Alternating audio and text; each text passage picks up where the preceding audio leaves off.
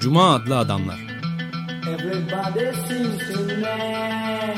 Hazırlayan ve sunanlar Halil Turhanlı ve Ömer Madra.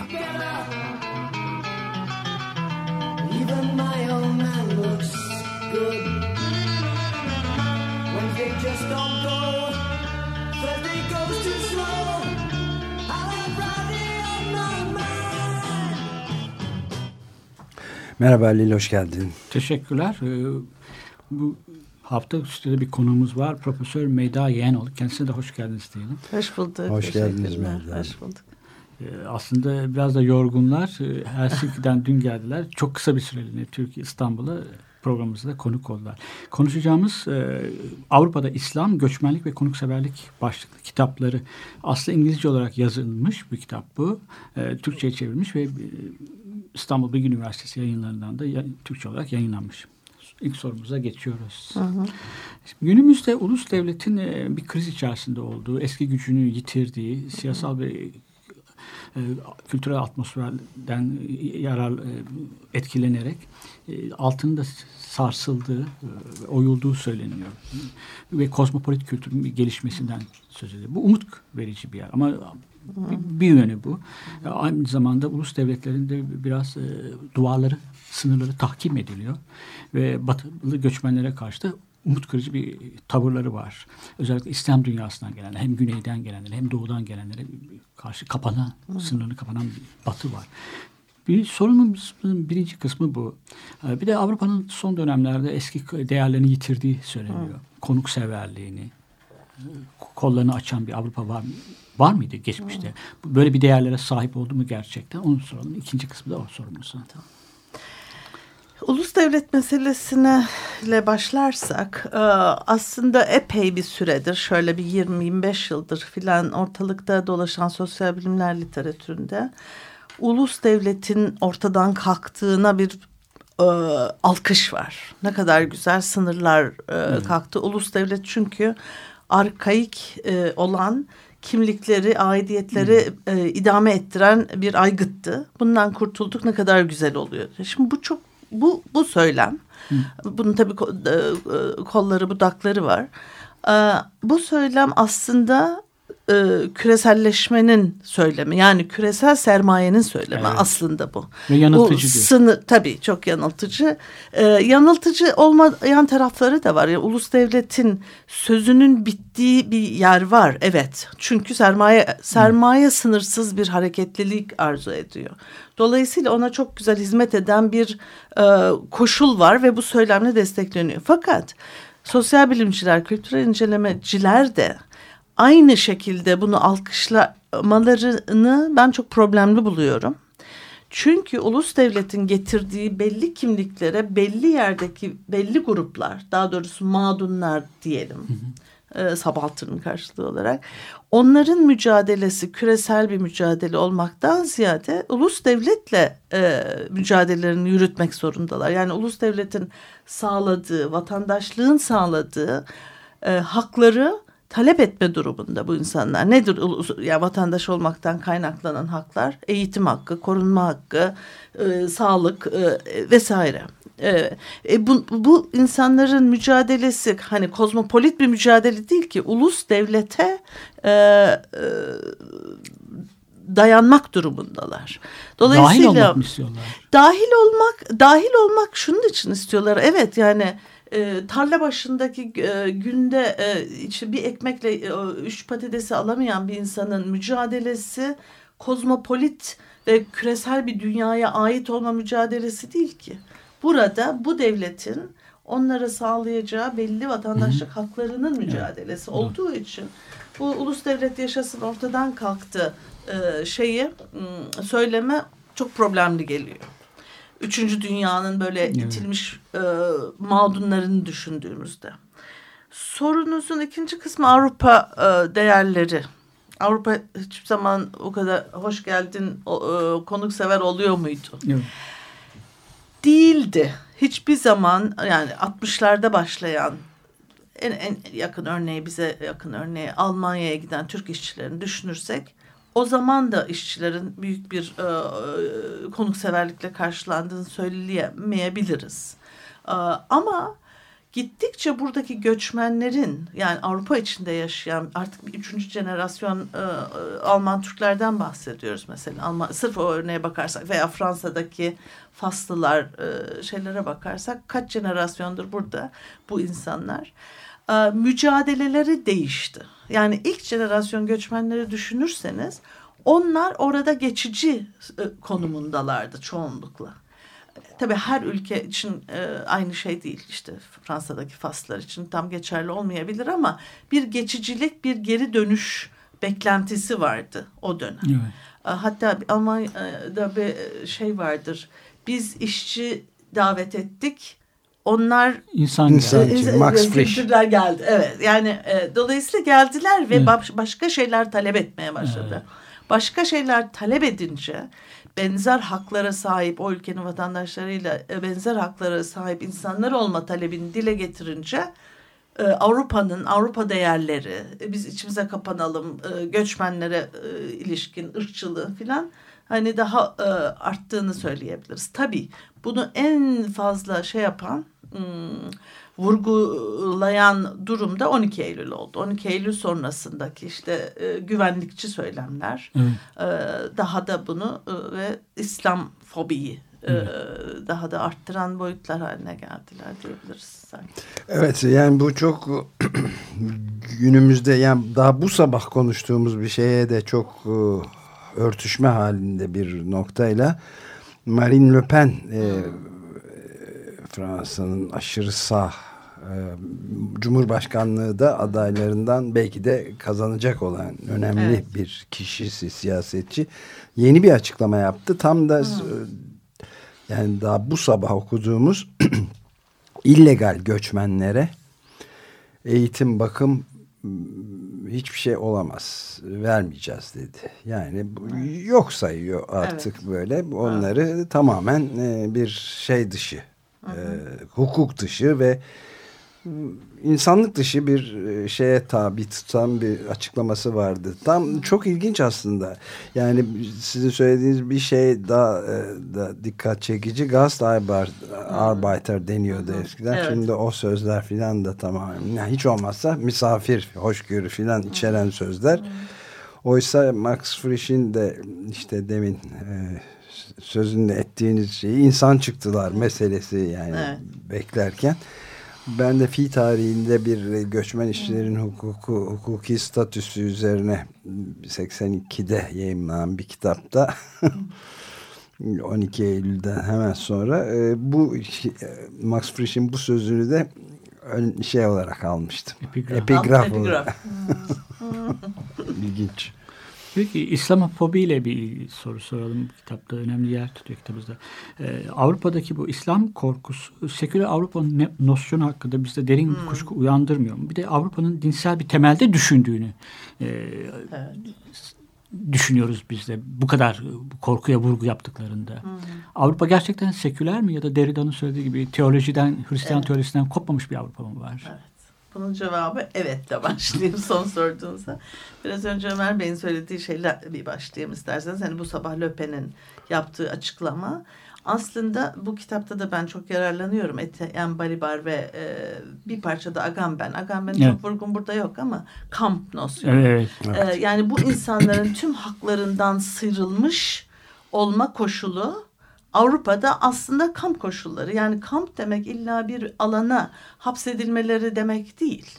Kamp ki öyle de oluyor yani segregasyonu evet. falan düşünürsek o da var ama e, bundan daha önemlisi kampı tanımlayan kamp koşulunu tanımlayan şey bütün haklarından e, benim mikrofon doğru yerde durmuyor pardon e, bütün haklarından sıyrılmış olarak bu insanların yemek de vermiyorum aş da vermiyorum hiçbir hakları yok e, illegallerin diyor. Üç gün sonra herhalde artık legallere de geçecek. E, evet, Zamanla yani gittikçe oraya gidiyoruz bak, sanki. Bakım vermeyeceğiz demesi bakım. çok şey. Yani temel, hastane de e, şey. Temel insan. Yiyecek de vermeyecek evet, herhalde. Yiyecek, sonra. sağlık vesaire. Ee, bunu şey Balibar e, onun nosyonunu da kullanıyorum bu kitapta ben. Avrupa apartheid'i diyor bunu. Evet. Avrupa'nın apartheid'i bu yani. Şey, sekülerlik meselesine gelirsek e, Avrupa'nın sekülerliği aslında çok çok çok tartışmalı bir şey. Bu kitapta bir Evet. bölümde de ben onunla Evet. da uğraşıyorum. Bir kere sekülerlik söylemi hmm, şeyden çok ayyuka çıktı. Yine bu Müslüman göçmenlerle ilgili bir bağlamda tabii çok altı çizilir hale geldi. Baş, e, başörtüsü bunun en semptomatik şeylerinden biriydi. Başörtülü kadınlar, Müslüman şeyler. E, sorun kamusal alanda bu insanların dini sembollerini veya bir dine olan inançlarını ifade etmeleri meselesi aslında. Ha, ne zaman yani ne zaman gündeme geldi? Seküler bir Avrupa'yız biz. Özellikle Fransa'daki cumhuriyetçi söylem ki Türkiye ile çok benzerliği vardır. Ee, e, bu kesimler ne zamanki kendi varlıklarını kamusal alanda görünür hale getirdiler, Avrupa çok güçlü bir şekilde sekülerlik söylemine sarıldı. Seküler Avrupa değerleri e, e, Müslümanların e, din in, inançlarını, bu inançlara e, paralel olan pratiklerini kamusal alanda burası uygulanamaz. Burası cemaat değerleriyle değil, komünite değil. Burası cumhuriyettir. Cumhuriyetin ve Avrupa'nın değerleri. Bunu ben e, kitapta aslında Avrupa'nın hiç de sizin de Derrida'dan alıntı yaptığınız gibi teolojik politik e, tireli kullanıyor bu lafı. Politika e, Avrupa'da ve e, seküler kimlik aslında veya politikanın tüm terimleri aslında yeterince sekülerleşmedi Evet. diyor. Hala bir kutsallık var Evet. burada yani teolojinin ve politikanın politikanın terimlerinde teolojiklik var. Evet. Bütün kutsallık şeyleri devam ediyor. Bir başka nokta benim yine burada altını çizmeye çalıştığım şey artık e, e, şey Avrupa kimliği e, kendini seküler olarak kurgulayan bir e, kimlik evet ama tüm gündelik yaşamın e, e, yaşanışına ve neler kullanıldığına bu ne tür gösterilenler semboller kullanıldığına bakarsanız Avrupa baştan aşağı tatil günleriyle efendim e, cross e, işaretiyle orada burada bir her şey Hristiyan aslında. Evet. Dolayısıyla yine Gil Anitcher diye çok önemli bir sevdiğim benim bir yazar var Kolombiya Üniversitesi'nde e, e, edip yani Orta Doğu çalışmaları şey e, üzerine yazan e, düşmanlık üzerine yazan e, Gil Anitcher onun bir şeyini kullanıyorum şey diyor e, Hristiyanlık kendini seküleş- sekülerleştirmiş tek dindir diyor yani sekülerlik söylemi altında Üretebilmiş. üretebilen e, Hristiyanlık. Hristiyanın bir şey kılık değiştirmesi, Evet. başka forma girmesi gibi. Kendisini öyle takdim düşünebiliriz. edebiliyor. Evet. O gücü var. diyorsunuz. PR gücü olağanüstü çünkü zaten dünyanın herhalde en gelişkin e, aşılamayacak kadar mükemmel olan e, PR simgesi haç olmalı. Tabii. Değil mi? Evet. Yani olağanüstü anlaşılabilir, kolay, basit ve yaygın. Ve her yerde. her yani. yerde olan. Evet. E, belki ben de şeyi sormak istedim bu e, teolojik söylem devam yani şey temel devam ediyor. E, bunun ırkçılıkla olan bağlantısı konusunda bir şeyler söyleyebilir miyiz? Yani bağlantı var mı daha doğrusu aralarında? Yok bayağı ciddi yakından bağlantılı olduğunu düşünüyorum. Ee, o ırkçılığa nereden ve ne açıdan baktığımız veya ırkçılığı nasıl tanımladığımızla ilgili bir şey. Ee, ırkçılık maalesef bizde Türkiye'de sosyal bilimlerde ve bilimcilerde ve Türkiye genel popüler düzeyde de ırkçılık çok çok dar anlamda ele alınıyor. Yani sadece e, cilt renginiz, e, kaşınızın gözünüzün rengiyle ilgili e, bir şeymiş gibi düşünüldüğü için daha yani biyolojik bir referansla düşünüldüğü için ırkçılık Müslüman göçmenlere olsun ba- başka başka kültürlere diyelim sadece dini gruplar değil kültürlere olan ayrımcılık e, ırkçılık gibi görünmüyor. Ayrımcılık gibi daha daha biraz daha yumuşatılmış e, bir kelimeyle şey yapıyor. Oysa Ee, yine epey yıllar önce Balibar'ın Wallerstein'e yazdığı bir kitapta e, size haber derdisinizdir sanırım. E, ırkçılığın artık tamamen e, renk değiştirdiğini ve kültürel bir form evet. kazandığını söylüyordu Balibar. Evet. Irkçılık kültürel bir şeydir. O diğer kültürleri dışlama. Dolayısıyla Avrupa'daki şu anda Müslüman göçmenlerle olan ilişki ırkçılık ama din basitçe dinsel bir ayrımcılık da değil. Yani dini bir şey referans da değil. Çünkü dinin artık kültürel bir form kazanması söz konusu. Şeyi düşünürseniz ondan büyük bir alıntı yapıyorum ben. Giscard d'Estaing bir Hı. tarihte biliyorsunuz Türkiye'nin Avrupa Birliği üyeliği Hı. çok e, detaylı tartışılıyordu. Le Pen gibi o da o zaman o iç siyasete hitap etmek üzere Türkiye hiçbir zaman Avrupa Birliği'nde olmamalı. Çünkü başka yaşam biçimleri, başka kültürel değerleri, başka başka e, nosyonları, ahlak değerleri var. Bu nedenle biz basitçe Hristiyan kulübü olduğumuz için değil ama kültürlerimiz uyuşmazdı. Şimdi bu kültürel ırkçılıktır bu işte. Yani din din kültüre yer değiştirerek evet. konuşuluyor farkın kültürelleşmesi diye bir kavram Hı. kullanıyorum Hı. ben bunu anlatmak için. Farkı kültür, e, kültürle açıklayan bir şey ama kültüre de kapalılık yani Hı. bir arada hala olmama arzusu bu o anlamda sekülerlikle yani üç Örtüşüyor, bacaklı bir şey. Evet. evet. Hatta belki şeyi de sorayım buna ilaveten bir ek boyut mudur bilemem ama temelinde yatan etik bir boyutta yani bunun bu şekilde kurgulanmasında e, çok ciddi bir etik problem Tabii. olduğu da düşünülebilir mi ne dersiniz? Tabii. Tabii kesinlikle aslında benim konukseverlik meselesiyle uğraşmamın nedeni de bu kitapta bu işin e, e bir etik mesele olduğu etik politik yani ikisini aynı teo evet. Derrida'nın kullandığı teolojik evet. politik gibi yine etik ondan politik. alıyorum aslında Hı. bu etik politik aynı anda etik politik e, kavramını kullanıyorum. Onun nedeni de Şimdi konukseverlik tartışmasına uzun uzadıya giriyorum orada. Konukseverliğe bakarsanız da Kant'tan geliyor. Kozmopolitin e, evet. kura, yasa nasıl olmalı vesaire. E, Derrida'nın oradaki konukseverlik okuması e, Kant'takini e, bu konukseverliğin tamamen yasayla sınırlanmış bir şey olduğu. Yasayla sınırladığınızda bunu Göçmenler şu tarihte gelebilir, şu koşullarda kabul edebiliriz, bu haklara bu kadarını verebiliriz vesaire diye bir yasal spesifikasyon yapılarak bir konukseverlik aslında konukseverlik değildir diyor Derrida. Çünkü e, konuksever olmak e, yani bunu dediğiniz anda e, göçmene burası benim evim, benim koşullarımda buraya gelebilirsin burada bir eşik var. Bu kapıyı ancak benim dediğim terimlerle ve kurallar çerçevesinde aşabilirsin dendiği için bu konukseverlik değildir diyor o Derrida. Yani konuksever olmak e, ev sahibi ve misafir nosyonunun ayrımının veya evet. daha doğrusu ortadan kalktığı bir durumda konukseverlik. O karşılıklı... Koşulsuz bir konukseverlik evet. ancak konukseverlik olabilir.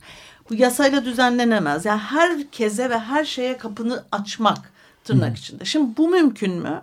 Değil. Fiilen mümkün değil. Ee, ama e, etik bir soru bu.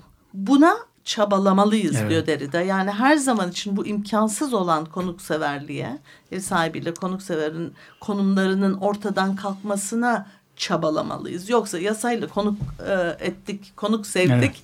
Bu çok e, konukseverlik değildir. Yani evin mülkiyetini hala elinde tutan evet. Avrupa değerleri. Bize buyurun gelin. Biz sizi kabul ediyoruz. Amma. O amma. Evet amma, amma şu var. Yani. Evet ve bir ara vereceğiz şimdi ama ondan önce bir ufak e, yorumda daha bulunayım izin verirseniz. Hı hı. Yıllar önce e, yani 13 yıldan fazla bir süre önce Noam Chomsky buraya ziyarete geldiğinde e, Açık Radyo'da kapsamlı bir söyleşi gerçekleştirme fırsatımız olmuştu kendisiyle. Ve orada şeyi de sormuştuk işte tam o sizin biraz önce sözünü ettiğiniz işte Avrupa Birliği'ne yaklaşma 2003'te oluyor. Hı hı. Ee, büyük bir hamle var yani Avrupa Birliği'ne üye olalım filan. Ne düşünüyorsunuz Avrupa Birliği buna ne der e, şeklinde soruya.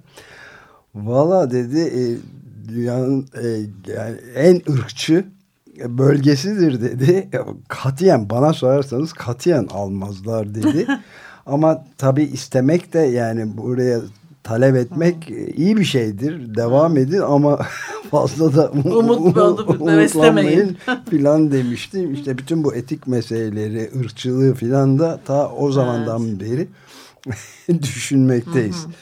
Evet. Şimdi, de ben, ha, ben tabii. Şey, e, demek Hristiyan Avrupa'daki ırkçılıktan söyledi. Avrupa'da çok da yaygın bir antisemitizm var bu Hristiyanlıktan. Evet. Yani e, İslamfobiden önce de bir antisemitizm. İşte onu kastediyor Chomsky'de tabii. O onu... Kon, tabii o, ama o konuda benim söyleyeceğim başka bir şey var. İsterseniz aradan sonra tabii, aradan sonra... Antisemitizm ve evet. İslamofobi arasındaki meseleye Aa, çok girelim. Çok ilginç evet. olur evet ha. ona da girmek. Peki şimdi bir e, müzik dinleyelim. I Pity the Poor Immigrant yani zavallı göçmene acıyorum. Bob Dylan'ın şarkısını dinleyerek tam konuyla da bağlantılı bir nefes alalım.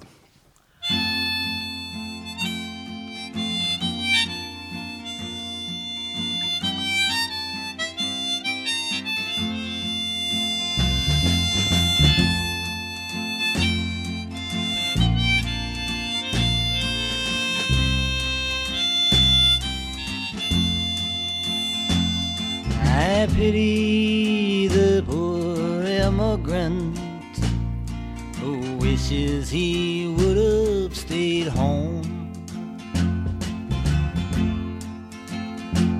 Who uses all his power to do evil, but in the end is always left so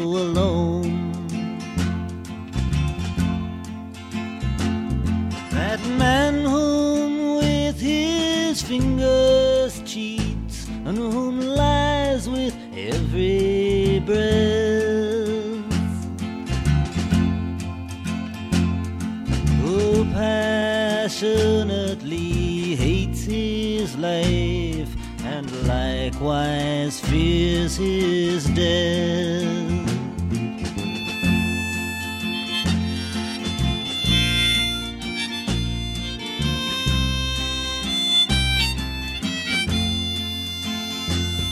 I pity the poor immigrant whose strength is spent in vain,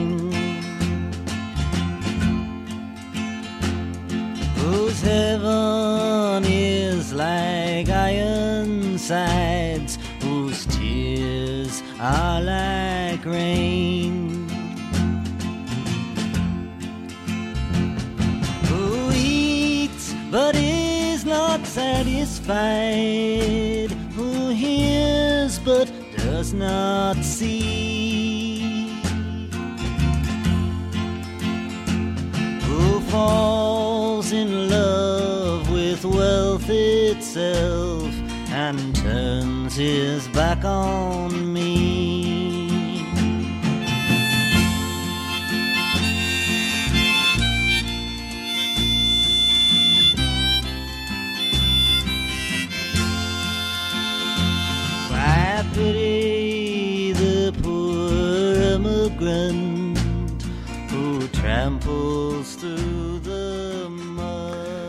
Evet, Bob Dylan'dan I Pity the Poor Immigrant şarkısını dinliyoruz. Dinlemekteyiz halen ama burada azaltıyoruz ve tekrar konumuza dönüyoruz. Cuma Adamlar programındasınız.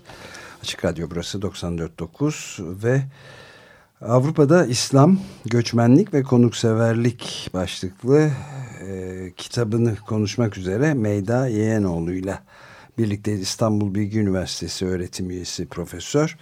Aslında kitabın orijinali İngilizce'de e, Palgrave Macmillan'da 2012'de yayımlanmış. Islam, Migrancy and Hospitality in Europe başlığını taşıyor. E, Türkçesi P. Burcu Yalım tarafından gerçekleştirilmiş Avrupa'da İslam göçmenlik ve konukseverlik çok can alıcı gittikçe önem kazanan e, belki de günün en önemli birkaç konusundan biri. Yakıcı bir sorun. Yakıcı bir, bir sorun. konuyu tartışmaktayız.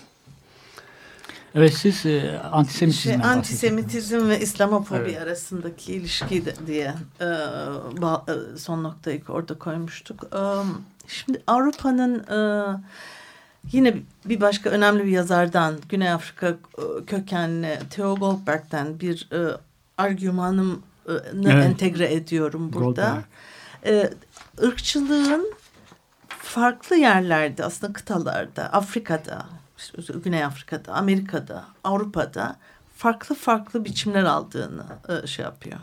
Bunun içinde onları anlatıyor detaylı formlarını ama Avrupa ırkçılığının bir özelliği diyor. E, antisemitizmi, e, holokostu kendisinin tek ayrıcalıklı e, ırkçılık biçimi olarak e, ayırt, ed ayırt edici bir şey olarak şey, yer alıyor diyor. Yani bir yere koyuyor e, şey diyor antisemitizmi.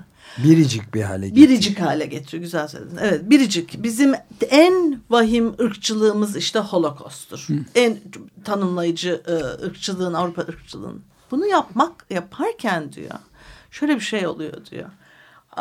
Onu biricik ve ayrıcalıklı kıldığı durumda bu sömürgelerdeki ırkçılığı inkar etmiş oluyor diyor. Onun bir alibi, e, bir e, hani e, polis 9'da cinayet işlerinde neredeydiniz? Ben aa, yemek yiyordum arkadaşım. Görgü hani başka bir yerdeydim. Evet. Bunu şey yapıyor diyor. Dolayısıyla bu antisemitizmi ayrıcalıklı biricik kılmayla sömürgelerde olan ırkçılık tamamen hasır altı ediliyor. Şeyin halının kilimin altına sürülüyor diyor. Şeye bakarsanız e, bir örnek Danimarka'daki e, karikatür krizine bir, böyle bir şeyin o karikatürdeki figürlerin e, hemen aynısını o dönemde Yahudilere yapıldığını görüyorsunuz. Evet. Ama bugün bu bu asla e, söz konusu olamaz. Evet. Yahudilerin böyle bir temsiliyeti evet. mümkün değil. Evet. Yani antisemitizmi ayrıcalıklı kılıp diğerlerine olan ırkçılığı meşrulaştırma adeta e, işlevi görüyor. Antisemitizme evet. tek tek e, ırkçı biçimleri olarak evet. görmezse Avrupa'nın kendini öyle tanımlaması Müslümanlara yapılabilecek yapılan ayrımcılığı ve ırkçılığı daha meşru Önemsizleştiriyor. Önemsizleştiriyor. Biz biz ırkçılığımızı evet. hatırlıyoruz, tanıyoruz. Ama kolonilerdeki e, sömürgelerde yaşanan ırkçılık ne oldu? Sömürgelerin tarihi e, ne damga vurmuş bir şeydir. Evet. E, Avrupa'ya Avrupa yapan sömürgeler aslında. Tabii. Evet Tabii. yani bu e, Heart of Darkness'ta filan da çok net hmm. olarak e, aslında Conrad'ın e, ortaya bence çok iyi koyduğu noktalardan biri. Evet. Bu dediğinizin ötesinde bir de ek bir şey de getiriyor. Mesela bu bu bu tip alibi şeklinde hı hı. başka yerdeydim ben hı. görmedim hı. şeklinde kullanılışı bizzat İsrail tarafından da dış politikasında kuvvetle uygulanıyor. Yani bütün Tabii. bu yerleşimlerin yerleşkelerin yapılmasında işgal altındaki topraklarda Yahudi düşmanlığını ayırıp e, bütün her bütün kötülüğü Yahudi düşmanlığını atıp kendisi bizzat ırkçılık ırkçı bir politikayı izlemekte tamam. kullanıyor ki çok evet. Yani dünyanın en önemli sorunlarından biri birisi, olarak da şimdi öyle hatta daha yeni bir siyahi e, bu konuyla ilgili Birleşmiş Milletler yetkilisini enterne edip hemen dışarı kapı dışarı ettiler insan hmm. hakları savunucusuna. iki gün önce hmm. filan oldu mi? gerçekleşti. Hmm. Yani Yahudi düşmanlığı yapıyor filan diye. Gerekçe de bu. Yani mesela Müslümanlar orada bir tane helal et e, mücadelesi veriyorlar. Şu kasaplarda helal evet. et satılsın filan gibi bir argüman var orada. İnanın, inanamıyorsunuz. Yani çok günlük popüler düzeyde bir şeyden bahsediyorum. Üç gün sonra o gazetede işte Müslümanların antisemitizmi filan gibi bir kodlanıyor. Evet. Evet. Dolayısıyla her türlü Müslümanlardan gelebilecek, Müslüman gruplardan gelebilecek Müslümanlığa ilişkin taleplerin dile gelmesi bile antisemitizm falan oluyor. Ya ben bir dönem Avusturya'daydım. Viyana'da. O arada işte e, Filistin'i bombalıyordu İsrail. Yine o bir e, Gazi. unuttum. Gazi.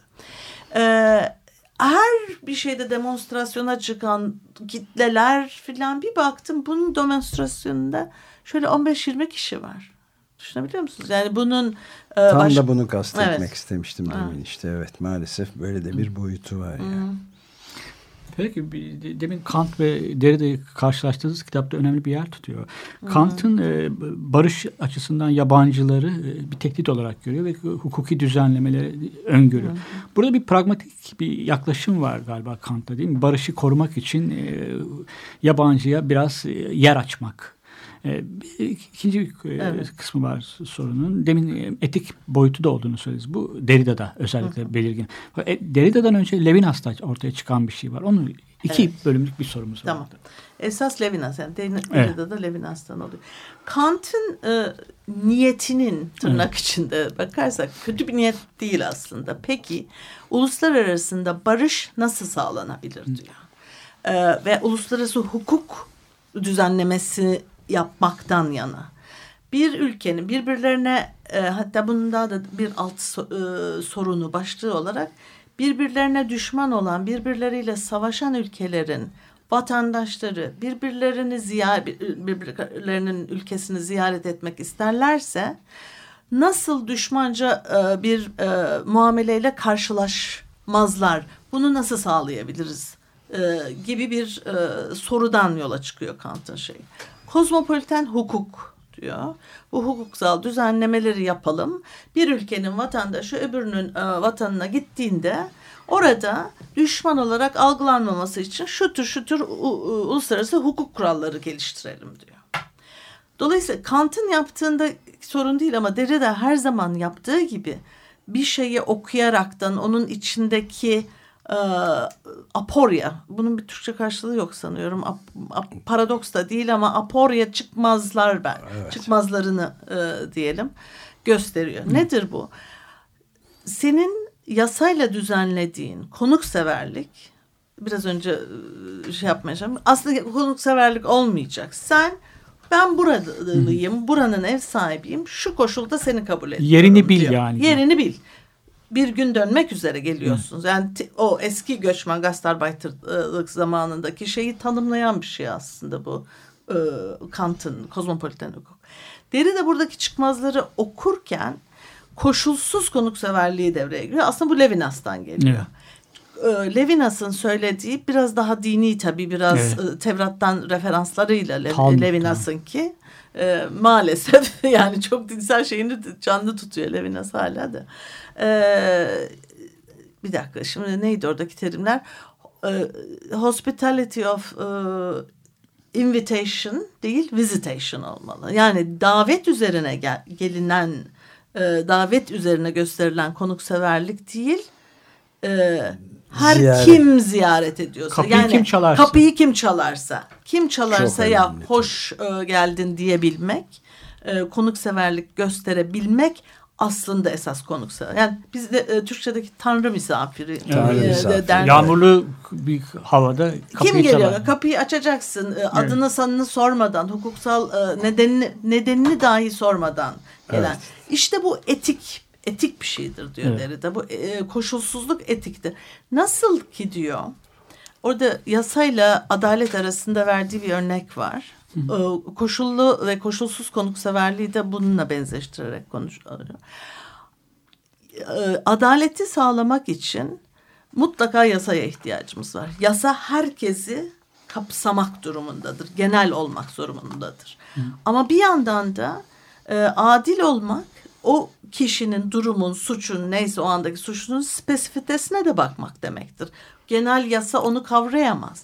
Dolayısıyla e, yasayla adalete erişmek nasıl mümkün değilse ama her zaman adalete çabalamalıysak e, koşullu ve koşulsuz konukseverlik arasındaki ilişki de böyle bir şeydir. Her zaman koşulsuzluğa çabalamalıyız. Koşulsuzluk imkan koşulsuz konukseverlik imkansız olsa dahi. O yüzden etik bir sorun bu. Ben de burada ufacık bir parantez açarak izninizle şeyi de e, Immanuel Kant'ı savunmuş olayım. Eski bir uluslararası hukuk mürekkebi yalamış biri olarak. Yani e, elbette katılmamak mümkün değil Kant'ın e, yüzeysel diyebileceğimiz yaklaşımında yani yasalarla. Ama uluslararası hukukun bütün şimdiki haline bakıldığı zaman özellikle Birleşmiş Milletler çerçevesinde artık alenen ayaklar altına alınmasının evet. sıfır indirgendiği bütün e, hukuki ve temelini yasal temelini filan o zaman da e, Kant'ın bu ebedi barış üzerine bir Hı. denemesinde evet. filan çizdiği tablonun bile aranacak hale geldiğini Doğru. E, söylemek lazım. Yani hı hı. geçenlerde Hüseyin Pazarcı'nın e, ona bir armağan kitabı çıkmıştı. Benden de naçizane bir yazı istemişlerdi. Ben çok uzak, uzun zamandan beri artık uluslararası hukukla e, iştigal, iştigal edemiyorum. Hı. Ama bu uluslararası hukukun e, çöküşü hatta ölümü Mü? üzerine bir yazı kaleme almak zorunda kaldım. Yani bizim hmm. okuduğumuz zamandakinden evet. çok farklı. O yüzden evet.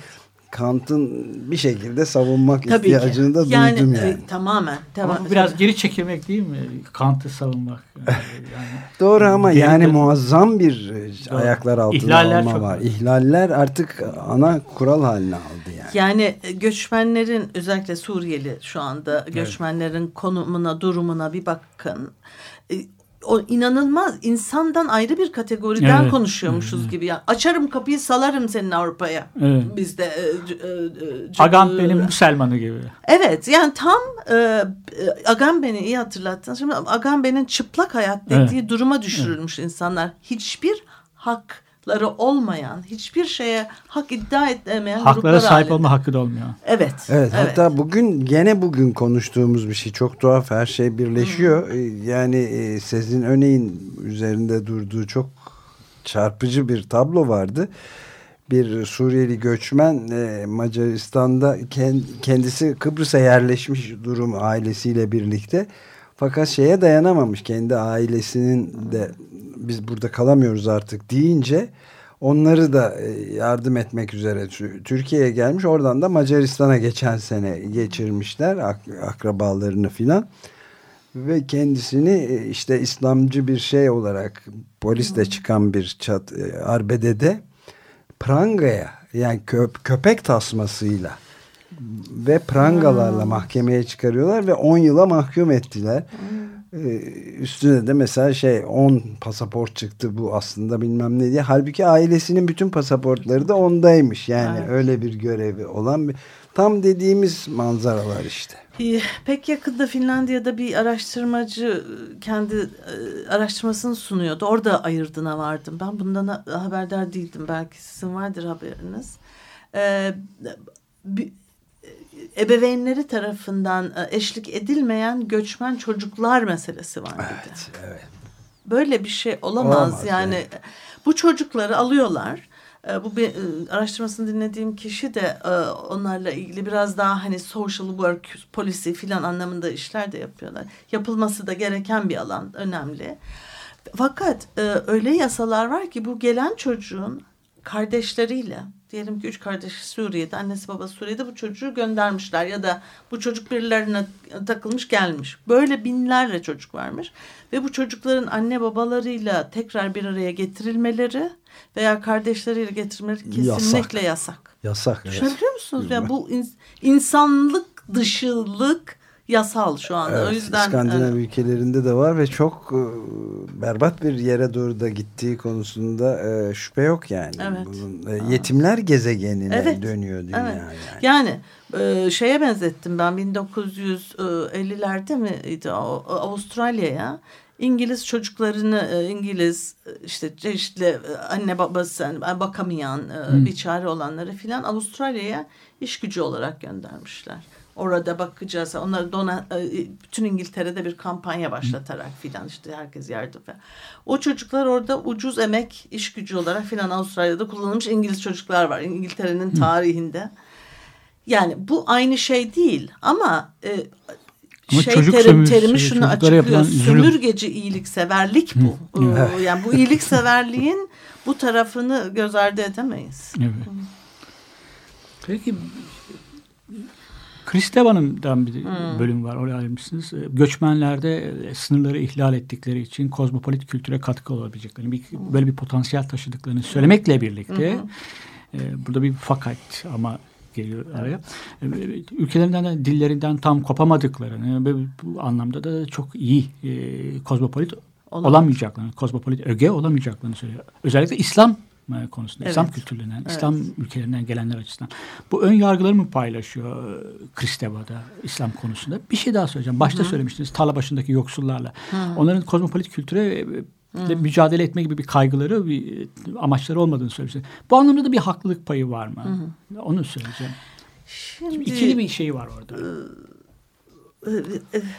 Evet, Atarlı yani o bağlantıyı düşünmemiştim açıkçası ama belki ikinci stepi olarak konuşurken. Şimdi Kristeva'da çok gülmüştüm ben. Çarpıcı bulmuştum. Kendisi Bulgar evet. göç, evet. Fransa Bulgar göçmeni olarak göç Müslüman göçmenlerin bir şeması var. Montesquieu'den alıyor. Hı. İşte önce e, ilk aidiyet nedir? Anneye. Sonra aileye. Unuttum şimdi detaylarını. E, kitapta var. Sonra ulus devlete. Sonra e, e, şey değerlerine, e, Avrupa değerlerine, en sonunda da insanlık değerlerine yani. ulaşmak gittikçe özgürleşme, kademeli. evet kademeli şeyler. Bunun eni. Maalesef diyor bu kızlar, Müslüman kızlar başörtülerini takarak ve hala kendi dillerinde ısrar ederek aslında anneyle bağlantılarını bir türlü koparamamış e, bir ilkellik düzeyindeler diyor. Baya tırnak içinde falan değil. Baya baya ilkel görüyor bunu. Julia Kristeva söylüyor. Kristeva. Yani evet Kristeva. O yüzden e, e, dolayısıyla hala ulus devleti mother tongue'a ana dile olan aidiyetlerindeki vurgu bu insanları kozmopolit yapmaktan e, alıkoyuyor diyor. Başta konuştuğumuz bu ulus devleti olan aidiyetin koparılması. Bunun Hı. çok arkaik, ilkel e, kök köklere, kökenlere gönderme yapan bir aidiyet biçimi olduğunu söylediği için. Şimdi bunlar ulaşamıyor diyor. Ulaşamaz. Yani bunda ısrar ettikçe diyor. Kendi değerlerini, kendi ulus devletinden getirdiği değerlerini anneye yani anneye, ana vatana vesaire bağlarından kopmadıkça bunlar kozmopolit olamazlar diyor. Şimdi e, tam tarla başındaki gruplar e, şeyine oturtamıyorum bunu ilişkisini tam öyle kuramıyorum ama şimdi bu grupların e, şeydeki bakarsanız göçmen kızların ikinci üçüncü jenerasyon e, göçmenlerin annelerine bakıyorsunuz. Çoğu başörtülü değil bile belki. Aman aman dini kimlik çok öne çıkmış bir şey değil filan. Çok böyle gruplara rastlıyorsunuz. Üçüncü jenerasyon göçmenlere bir bakıyorsunuz tekrar işte kapanılmış, başörtüsü giyilmiş e, vesaire vesaire başka e, pratikler içinde yer alıyorlar. İşte ana vatana falan. Hatta şey buna e, uzak long distance uzaktan e, milliyetçilik diyor. Yani. Ne bileyim yani Hindistan'daki milliyetçiliğe oradaki Hintlilerin Avrupa'da yaşayan Hintlilerin bağlanması gibi uzaktan bir milliyetçilik, bir ev özlemi. Ben mesela bir dönem Berlin'de e, bulundum gidiyordum. Orada rastlıyordum. Bir, bir, özel bir kafe vardı Kreuzberg'de. Çok şahane bir kafeydi. Orada bu insanlara rastlıyorsun. Sohbet sohbet. Aa, hepsinde müthiş bir ev diye bir özlem var. Ev dedikleri Türkiye. Türkiye'ye sadece yazın Antalya'ya 15 gün tatile geldikleri bir yer. Ama bir ev nosyonu, ona bir nostalji filan kuruluyor. Şimdi bu oradaki koşul onu kuruyor. Eğer yine şeyden bakarsak, Kristeva'dan bakarsak, Kristeva bunlar hala eski değerlerini kendileriyle birlikte getiriyor diyor. O değerler orada üretilmiş, orada oluşmuş değerler aslında. Evet. Ev nosyonu, eve nostaljik hissetme filan filan gibi şeyler. Dolayısıyla e, yani e, kozmopolitliğin işte bu şey diyorum ben Anglo-Amerikan kültürel çalışmalar söyleminde yüceltilen bir evet. kozmopolitlik var. Evet. Bruce Robbins diye mesela bir başka kültürel çalışmacı Amerika'dan bahsediyorum akademisyen. Ben diyor e, uzun mesafeden Hindistan'a bağlanabilirim. Hindistan'a ait hissedebilirim kendimi. Oralara hiç gitmemişsem, görmesem bile ama televizyonda gördüğüm yerlere de ait hissedebilirim diyor. Şimdi bu çok e, kelime ne? Pretentious e, ne diyeceğiz buna? Çok e, gösteriş. gösteriş meraklı züppece yani ne bileyim bilemiyorum terimi bulamıyorum. Çok sinir de bozucu bir şey. Evet, çünkü bunu...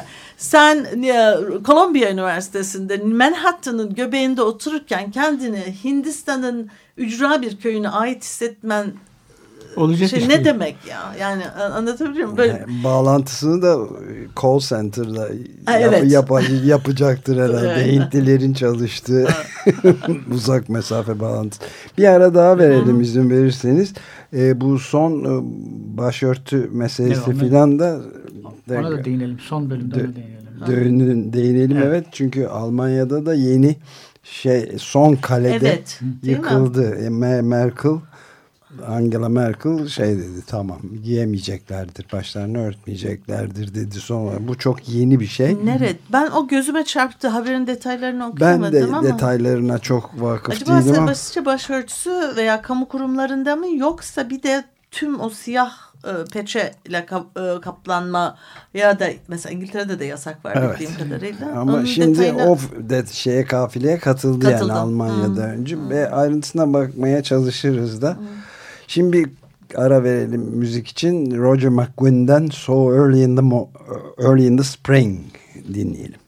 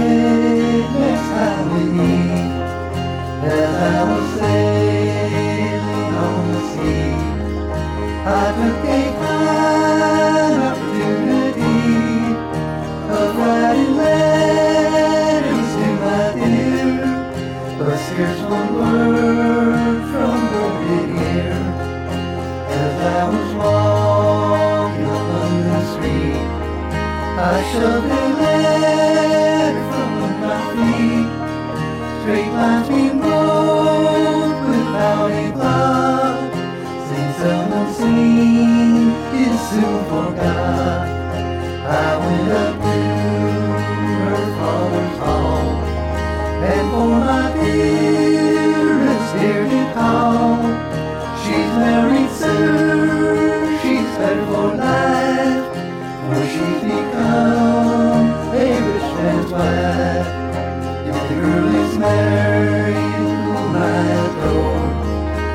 pressure of day won't no more.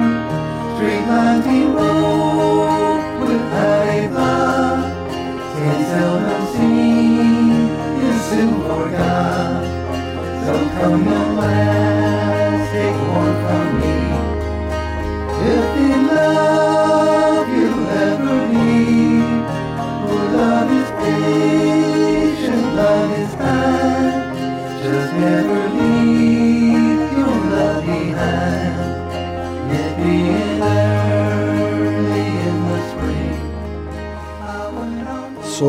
The Spring Roger McGuinn'den dinlediğimiz bir şarkıyla devam etti programımız. Ediyor da hala Cuma Adamlar programındasınız Açık Radyo'da. Ve Bilgi Üniversitesi öğretim üyesi Profesör Meyda Yeğenoğlu'yla aslında orijinalini İngilizce yazmış olduğu ve Türkçe'de İstanbul Bilgi Üniversitesi yayınlarından yeni bu sene yayınlanmış olan Avrupa'da İslam, göçmenlik ve konukseverlik kitabı üzerine bütün bu konular üzerinde sohbet ediyoruz. Evet, ben e, anons yapmadan önce parçayı Merkel'den bahsetmiştim. Neden? onunla, onunla şey yapalım. İslam e, Başörtü. gönül olması, kılması, gönül olması. Bir soru ben sorayım o zaman. Soruyu toparlayayım. Tamam peki. Ee, İslami kimliğin vurgulanması son zamanlarda ve siz de kitapta bahsetmişsiniz Türkiye'nin kurucu dışsalı olduğunu söylemişsiniz İslam'ın. Bu kim sembollerin, İslami pratiklerin kamusal alanda görünmede ısrar etmesi e, karşısında İslam'ın dönüşünden bahsedebilir miyiz? Bu tepki nerede haklı, nerede e, abartılı ya da abartılı olduğunu düşünüyor musunuz? Um, Biraz karmaşık bir soru oldu ama. Yok hayır karmaşık İslam ne ki e, e, İslam, e, İslam'ın yani İslam dediğimiz şey ne ki Evet. de onun dönüşünden söz Evet. edebiliriz tam cevaplayamayacağım Evet. çünkü e, İslam benim gözümde bir tek kitaptan ibaret bir şey değilse Evet. ki bunda hemfikirizdir sanıyorum o Evet, zaman tabii. hep değişik biçimlerde değişik şeylere e, eklemlenerek var olan bir şey. Dolayısıyla bu da e, yani Türkiye'deki İslamcılığın, İslamcı kimliğin diyelim, dar anlamda siyasetin değil, e, İslamcı kimliğin ortaya e, çıkışında çok önemli bir sembol görevi gören bir şey haline geldi başörtü. Enteresan bir şekilde Avrupa'da da öyle bence göçmenler arasında. E, biliyorsunuz ilk e, Fransa'da e, bir ilkokul öğretmeniydi galiba. Onun okula öğretmen olarak gitmesi e, görevin görevi sırasında başörtülü olmasıyla başlayan ve şey yapan. Türkiye'de de hatırlıyorsunuz e, ta aslında geç e, 80'lerde başlamıştı. Bu üniversitelere girsin gir- girmesinler. Biz üniversite düzeyinden bahsediyoruz. Yani Avrupa ilkokul düzeyinden filan söz ediyor. E, yani Avrupa'da üniversite konusunda öğrencilerin başörtüsüyle girdi girmedi meselesi asla bir sorun olmadı. Sadece ilkokul düzeyde veya resmi kamu görevlileri e, bağlamında oldu. Bu da önemli bir detay tabii. Evet, ayrıntı çok ön- yani. önemli bir fark. Yani çok benzer söylemler. Özellikle Fransa'nın cumhuriyetçi e, söylemiyle Türkiye'deki benim köktenci laiklik dediğim Evet. şey biliyorsunuz neler çektik. Ya orada burada ilk günde bir imza kampanyasıydı. Başörtülü öğrenciler girebilsin vesaire diye. İkna odaları vesaire. İkna odaları Evet. ve neler evet neler yaşandı. Şimdi ben sorunuzu kaçırdım bunlara girince. Yani bu İslam'ın Şimdi- dönüşünden bahsedilebilir Evet, mi? bilirim Kamusal alana görünmekte bu kadar Ha. ısrar etmesi, o pratiklerin. Ee, bir de bu abartılı mı acaba? Bu İslam'ın siyasallaşması olarak e, nitelendirilebilir mi? Abart biraz tabii abartılı ama Türkiye bağlamında bakacak olursak o dönemde e, bu görünür bir sembol olduğu için ve maalesef ki sadece kadınlar aracılığıyla yaşandı. Ben o dönemlerde ODTÜ öğretim üyesiydim. Bu öğrencilerin girdi girmedi şeye üniversiteye e, ne şeyler geliyordu YÖK'ten. Bu öğrencileri dersinizde ise işte ihbar edeceksiniz, disiplin Evet. cezası alacaklar filan. E, fakat inanılmaz bir cinsiyetçi ayrım oldu burada. Erkek öğrencilerin İslami inançlı erkek öğrencilerin e, okuldaki eğitim hakları e, kız öğrenciler gibi e, kısıtlanmadı. Ve bunu savundular. Benim çok takdir ettiğim bir rektördü o zaman ODTÜ'de. O bile ben bunu sonuna kadar savunurum dedi. Yani ne yapalım? Erkeklerde yok bu. Onlar girebilir. Bu derecelere gelmiş bir Yani şeydi. Artık biçimselliğin, biçimciliğin aldığı son nokta. Son nokta. yani. Evet. Ama aynı şey karşı taraf içinde. Yani bu karşıtlı hani İslam onun kurucu dışarısı oldu. Türkiye Cumhuriyeti'nin devletinin kuruluşu, seküler bir e, şey ulus devlet olarak ortaya çıkışı ve devamı diye düşünürseniz bu, bu mücadelede e, aynı şekilde görsel bir sembol aradı laikçiler. Ne yaptılar? Her yerde Kemal Atatürk imzaları görüyorduk. Yani posta daha da e, öteye gittiler. E, vücutlarına e, şey Dövme. tatu dövme yaptırdılar e, filan. E, yani gö- semboller aracılığıyla giden bir mücadeleydi. Onların sembolüne karşılık laikçilerin de kurduğu. İslam değişti mi değişmedi mi bilmiyorum. Yani çok dar anlamda İslam'da kadın diyelim mesela. İslam İslamcı politika ve o kadınlara tanıdığı haklar filan. Üç tane e, yani tamam çok uzun sene mücadele etti bu başörtülü kızlar ama yani bugün e, ne hak edindiler kadın olarak İslamcı siyasetin içinde? Nereye geldi? Ne değişti? Çok tartışılır şey gibi geliyor bana. Tabii bunlar Cumhuriyet'in yurttaş e, yaratma projesine de bir tepki değil mi? Kurucu Tabii. dışsalı demişsiniz Aynen. siz. Evet. O kurucu dışsallık kendini görünür kılarak buradayım deme mücadelesi verdi. Ee, Peki Fransa ile bir yakın çok benzerlik buluyorsunuz. Birkaç Tepeden dakikamız zorla- kaldı. Zorlanan bir sekülerlikler. Ama demin e, az önce Ömer Madra da söyledi. Almanya'da da bir yasaklama varmış. Evet. Bu da e, yani İslam'a karşı daha e, baskıcı bir siyaset bütün Avrupa'da uygulanıyor. O, sizin dediğin yukarıdan baskıcı sekülerlik olmamakla birlikte. Tabii. Evet, Değil mi? hatta burkini adı verilen bir bikini ile burkayı birleştiren ve Evet. biz, e, bu Türkiye'de haşema diye adlandırılan böyle k- kapalı Gördüm kıyafetle o nasıl bir girmek. şey olduğunu onun. Onu evet. polis denetiminde plajlardan çıkartılan kadınlar gördük yani polislerin de Evet, üst- evet. haşema giymiş bir kadının yüzmesine engel oldular yani. O zaman çok e, meşru olarak şu soruyu sormakta bize Evet. düşüyor. Nerede kaldı Avrupa? Tolerans, e, hoşgörü, e, e, ötekine açıklık vesaire. Bir küçük örnek daha vereceğim size. Hollanda'da e, Müslüman e, göçmenleri vatandaş başvurusu yaptıklarında bir testten geçiriyorlar. Bir, bir sürü sorular var. Sorulardan bir tanesinde de şöyle bir e, eşcinsel çifti gösteriyorlar. E, cinsel bir birleşme durumunda. Nasıl bir reaksiyon gösteriyorsunuz diye Müslümanlara soruyorlar. Eğer buna çok infial bir tepki verirse tamam işte Müslüman kültürlerin toleranssızlığı gibi kodlanıyor. Düşünebiliyor musunuz? Biz toleranssız hatta o bütün Danimarka'daki şeyler ım, karikatürler filanda da ne var? Ee, e, freedom of speech'tir bu. Bizim toleranssızlığımızın göstergesidir filan diye savunulmuştu.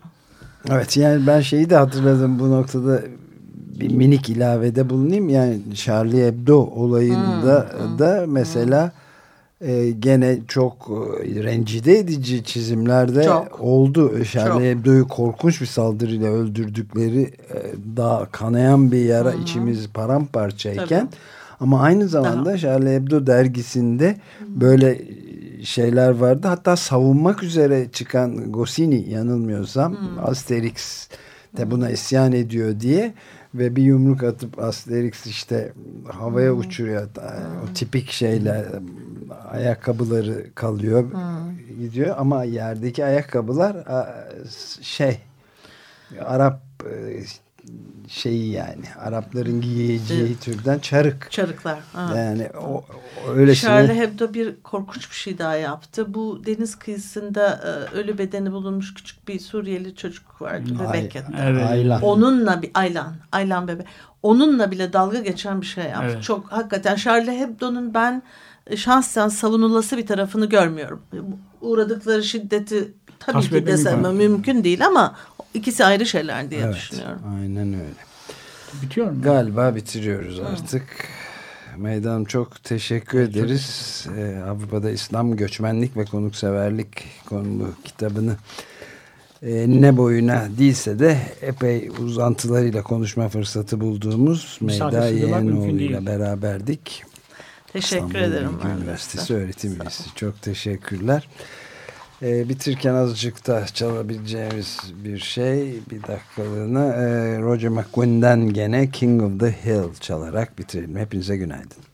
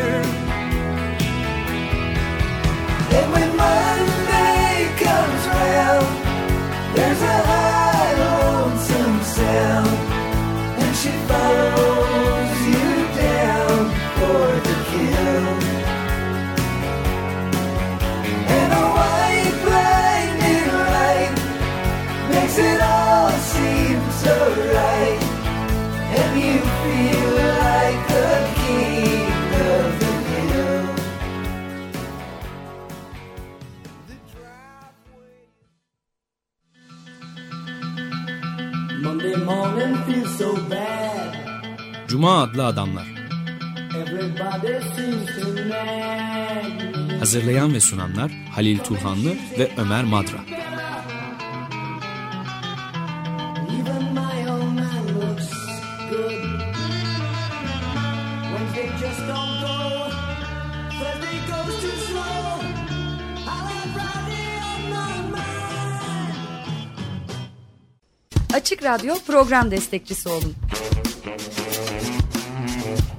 Bir veya daha fazla programa destek olmak için 212 alan koduyla 343 41 41.